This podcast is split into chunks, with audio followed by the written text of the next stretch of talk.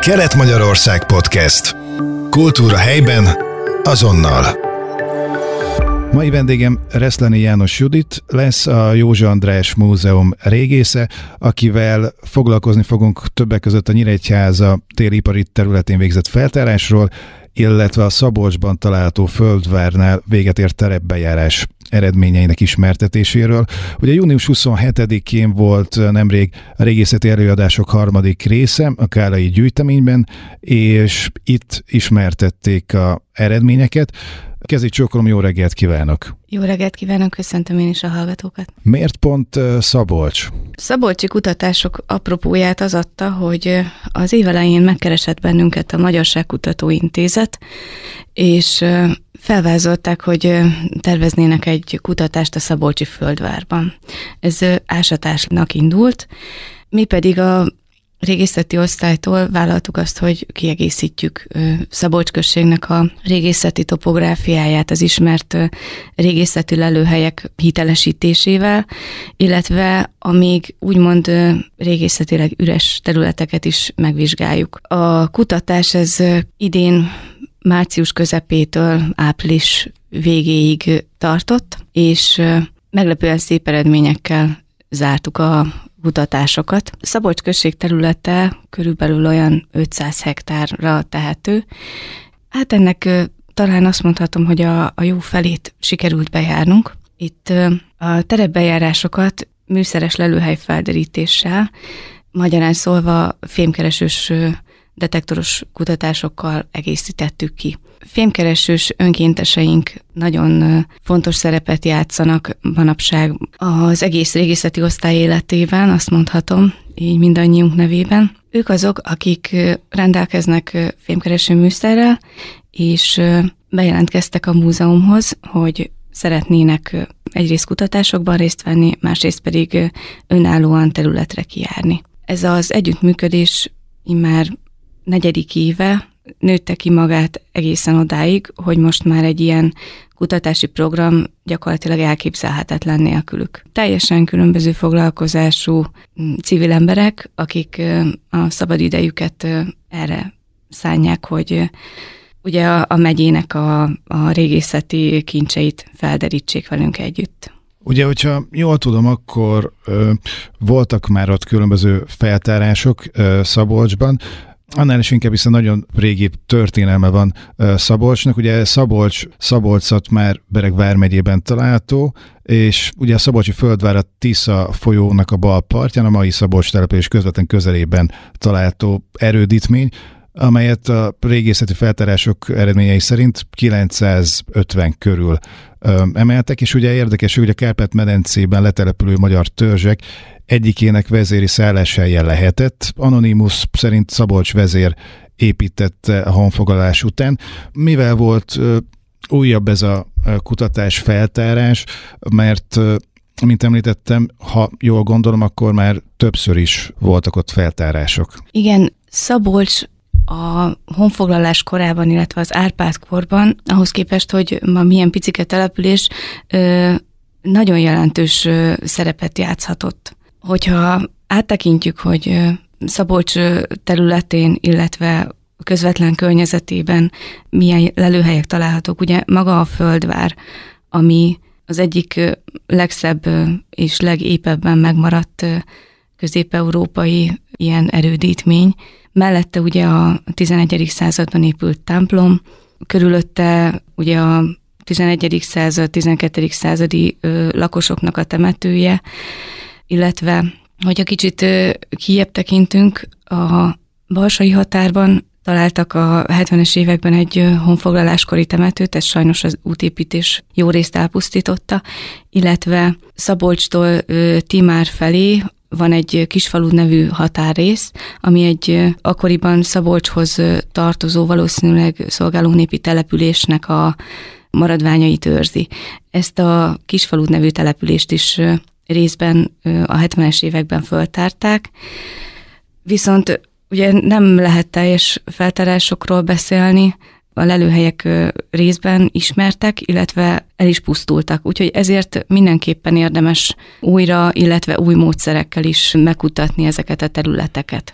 Vannak egyébként olyan területek, Szabolcshoz, a földvárhoz kapcsolódó területek, amiket mondjuk már teljesen feltártnak lehet tekinteni, illetve vannak-e olyan új területek, amik most váltak jelentősé? A földvár mellett ugye a 11. század templom körüli temető, amit azt hiszem, hogy teljesen feltártnak lehet tekinteni, tekintve azt, hogy ez egy belterület, tehát kertekről van szó, ahol lehetett tulajdonképpen ott mindenütt nyitottak már szelvényeket, és, és föltárták a sírokat. Viszont természetesen a kutatások megkezdése előtt is voltak ott olyan ö, építkezések, akár fatelepítés, tehát hogy ö, még, még ezeken a területeken is ö, számíthatunk újabb ö, leletek erőkerülésére, akár építkezésekkor. A terebejárásokra visszatérve, ugye ez egy olyan kutatási módszer, ami a régészet többi módszerével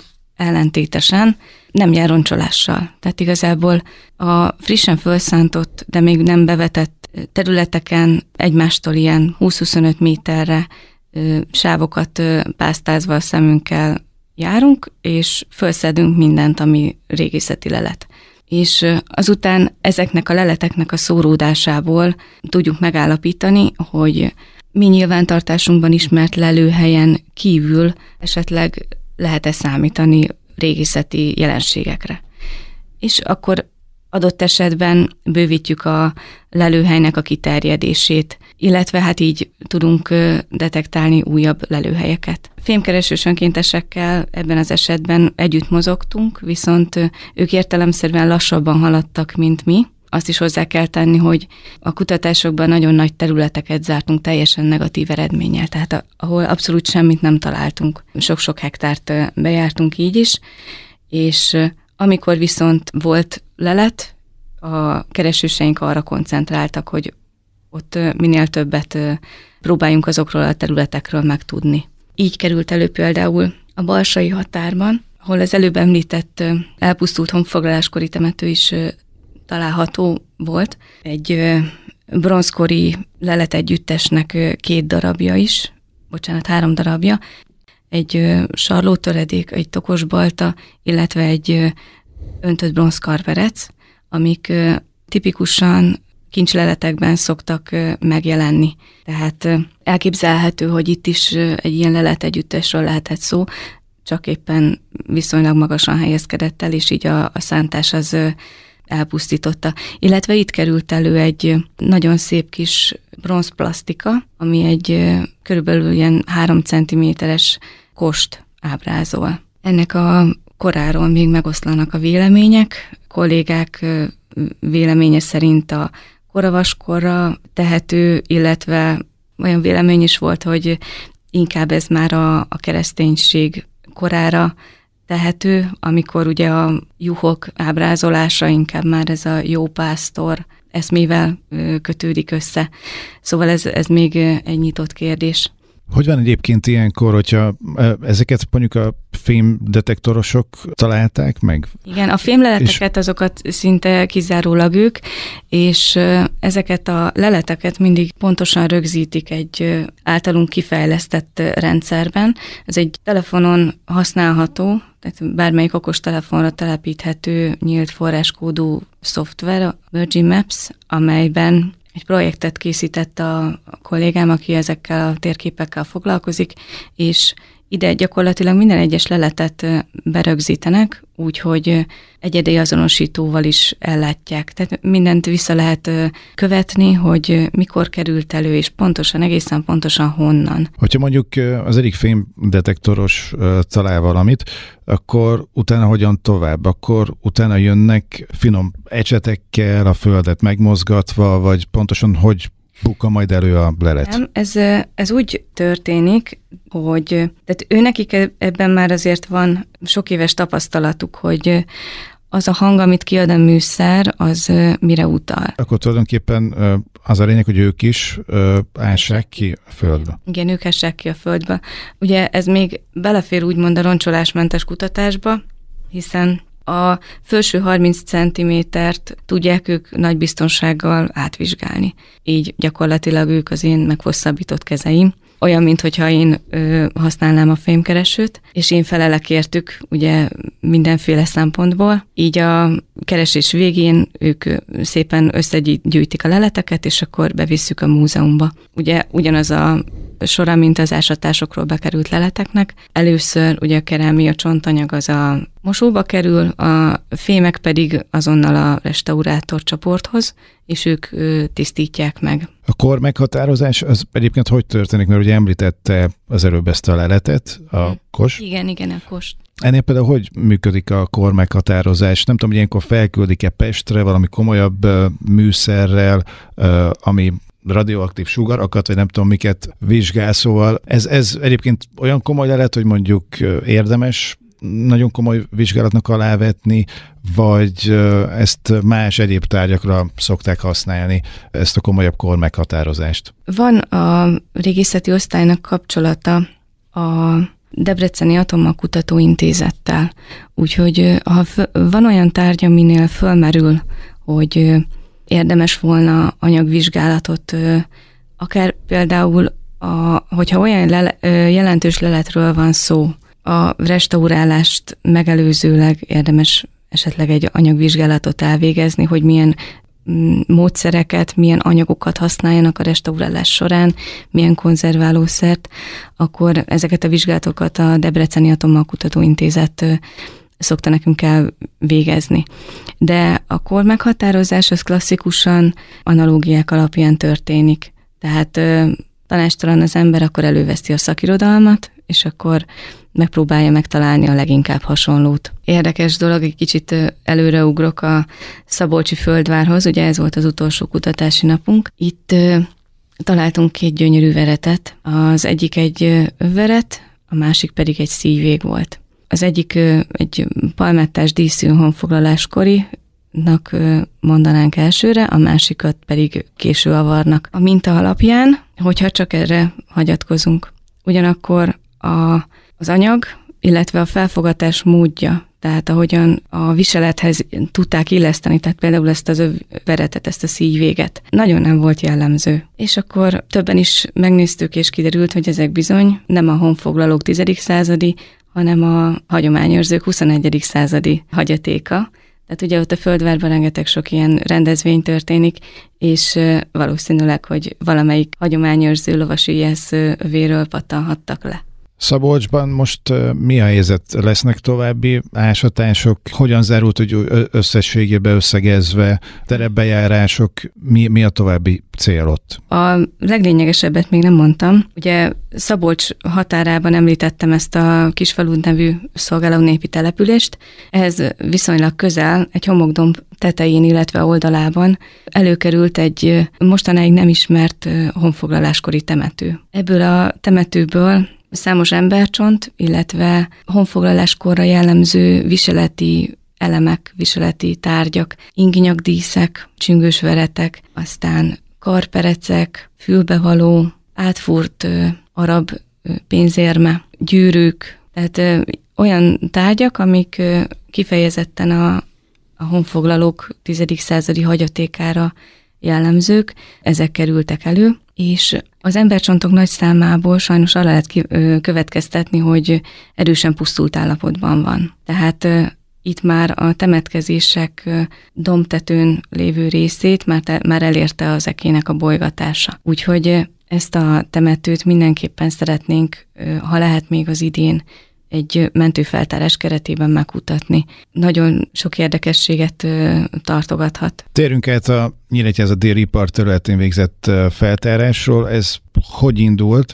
mondjuk, hogy indul egy ilyen feltárás, milyen lépcsőkön kell végigmenni, még eljutunk mondjuk addig, hogy megkezdhessük az ásatásokat. Ez egy egészen más jellegű, tehát szintén régészet, de egy, egy másik válfaja a régészeti kutatásoknak. Ugye ez egy beruházáshoz, konkrétan, konkrét beruházáshoz kötődő régészeti feltárás, illetve feltárás sorozat, ami itt történt, illetve történik még, és történni is fog valószínűleg még az elkövetkezendő években. Tehát ott kezdődik a dolog, hogy kiválasztja a beruházó a területet. Vannak ugye dolgok, amiket lehet tudni a területről, és vannak, amit nem. Egy ilyen nagy beruházás előkészítése régészeti szempontból is, mivel ugye ennek súlyos anyagi vonzatai vannak, nagyon fontos, ezért ezzel egy országos szervezet foglalkozik, a Magyar Nemzeti Múzeum Nemzeti Régészeti Intézete. Ők első körben összegyűjtik az adattárból, mit lehet tudni az adott területről, mik kerültek elő addig a, az időpontig. Aztán, hogyha lehetséges, akkor terepbejárásokat végeznek ők is, illetve kiegészítik még ezt geofizikai kutatással, amire nekik van egy külön osztályuk, ami ezzel foglalkozik. Magnetométerrel, illetve talajradarral is átvizsgálják a területet. Itt a déli ipariparban is megtörtént egyébként. Hatalmas területet megvizsgáltak, és akkor ezt szokta követni a próbafeltárás. Talált, találtak valamit egyébként az első lépcsőnél, amikor végig pásztázták, ahogy mondta, különböző műszerekkel? Igen, találtak.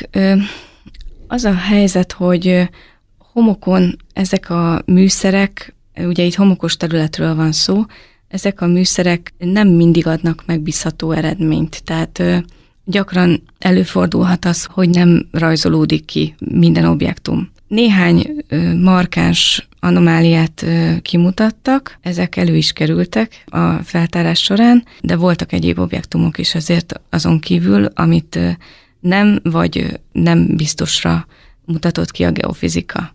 Itt a próbafeltárás fázis az sajnos kimaradt. A próbafeltárás ez azt jelenti, hogy a terület a régészeti lelőhely beruházással érintett területének bizonyos százalékát lefedik kutatószondákkal. Tehát ezek kutatóárkok, amiket kotrúgéppel, iszapolókanalas kotrúgéppel húznak, ugye itt a felső szántott réteget eltávolítják, és az alatta mutatkozó régészeti jelenségeket föltárják. És akkor a próbafeltárás az, ami úgy igazából ki tudja jelölni nagy biztonsága, hogy hol szükséges feltárás, és hol nem szükséges feltárás. És akkor a, ugye itt ez a fázis, ez kimaradt az idő rövidsége miatt.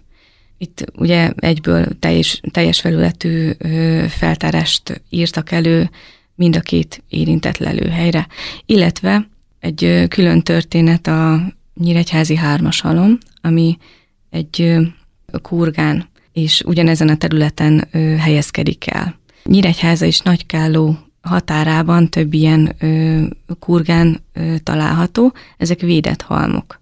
Tehát ö, igazándiból nem lehetne ö, hozzájuk nyúlni, még kutatás szempontjából sem nagyon. Viszont ö, a hármas halom az egy, ö, hát szerencsétlenül járt halom ilyen szempontból, mert körülbelül a 70-es évek táján szinte teljesen elpusztították. És emiatt ö, merült fel, hogy teljes feltárás után esetleg beépíthetnék. És így ennek a halomnak a feltárására sor került 2022 márciusában. Ezt dr. Istvánovics Eszter kolléganőm vezette ezt a feltárást. Azt érdemes tudni ezekről a halmokról, hogy a körülbelül Krisztus előtti 3100 és 2500 között létesítették ezeket a halmokat temetkezési célra, kifejezetten temetkezési célra az úgynevezett jamnaja kultúrának a, a képviselői, mégpedig az előjáróik temetkezési helyeinek. A későbbi korok során is egyébként előszeretettel használták temetkezési célra, tehát akár a római császárkorban, akár a honfoglalás korában, vagy az avarkorban szintén temetkeztek ezekbe a halmokba. Ugye tájékozódási pontként is szolgálnak mind a mai napig a felmérési térképeken, már a legkorábbi felmérési térképeken is szerepelnek, tehát a, az idők során mindig fontos szerepet játszottak.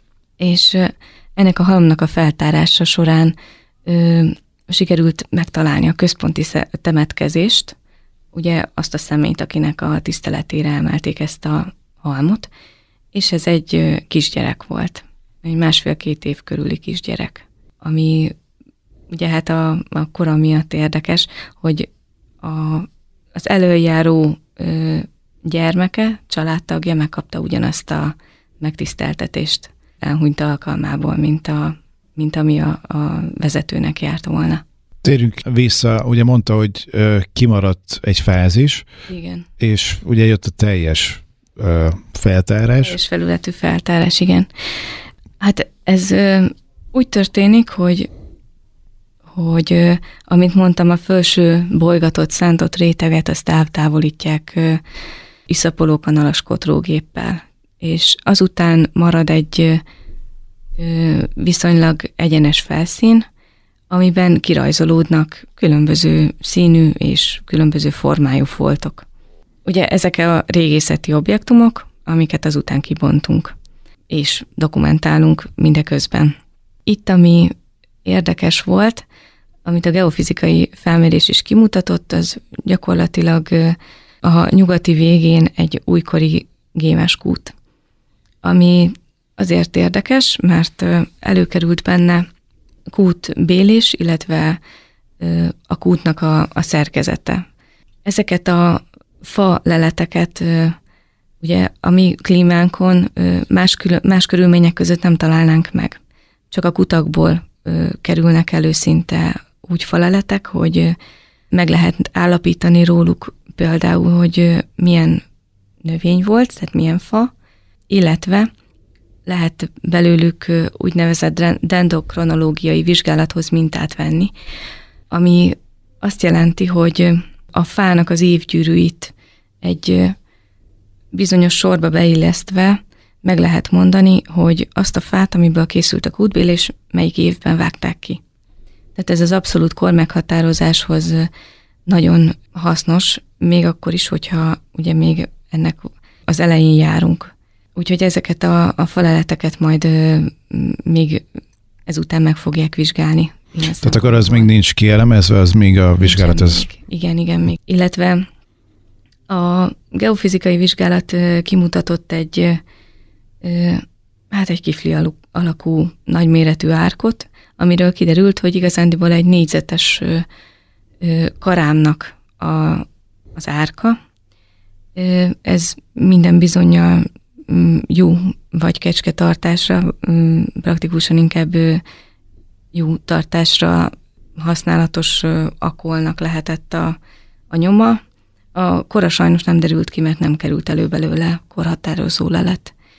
Mellette viszont találtunk egy gödröt temérdek jó csontvázával, a kicsi gidától egészen a kosig, tehát mindenféle életkorú bárenykek. És akkor, ami még érdemes említésre a lelőhelyről, előkerült két Árpádkori ház, amelyek közül az egyik valószínűleg oszlop szerkezetes, tehát földfelszínén álló ház lehetett.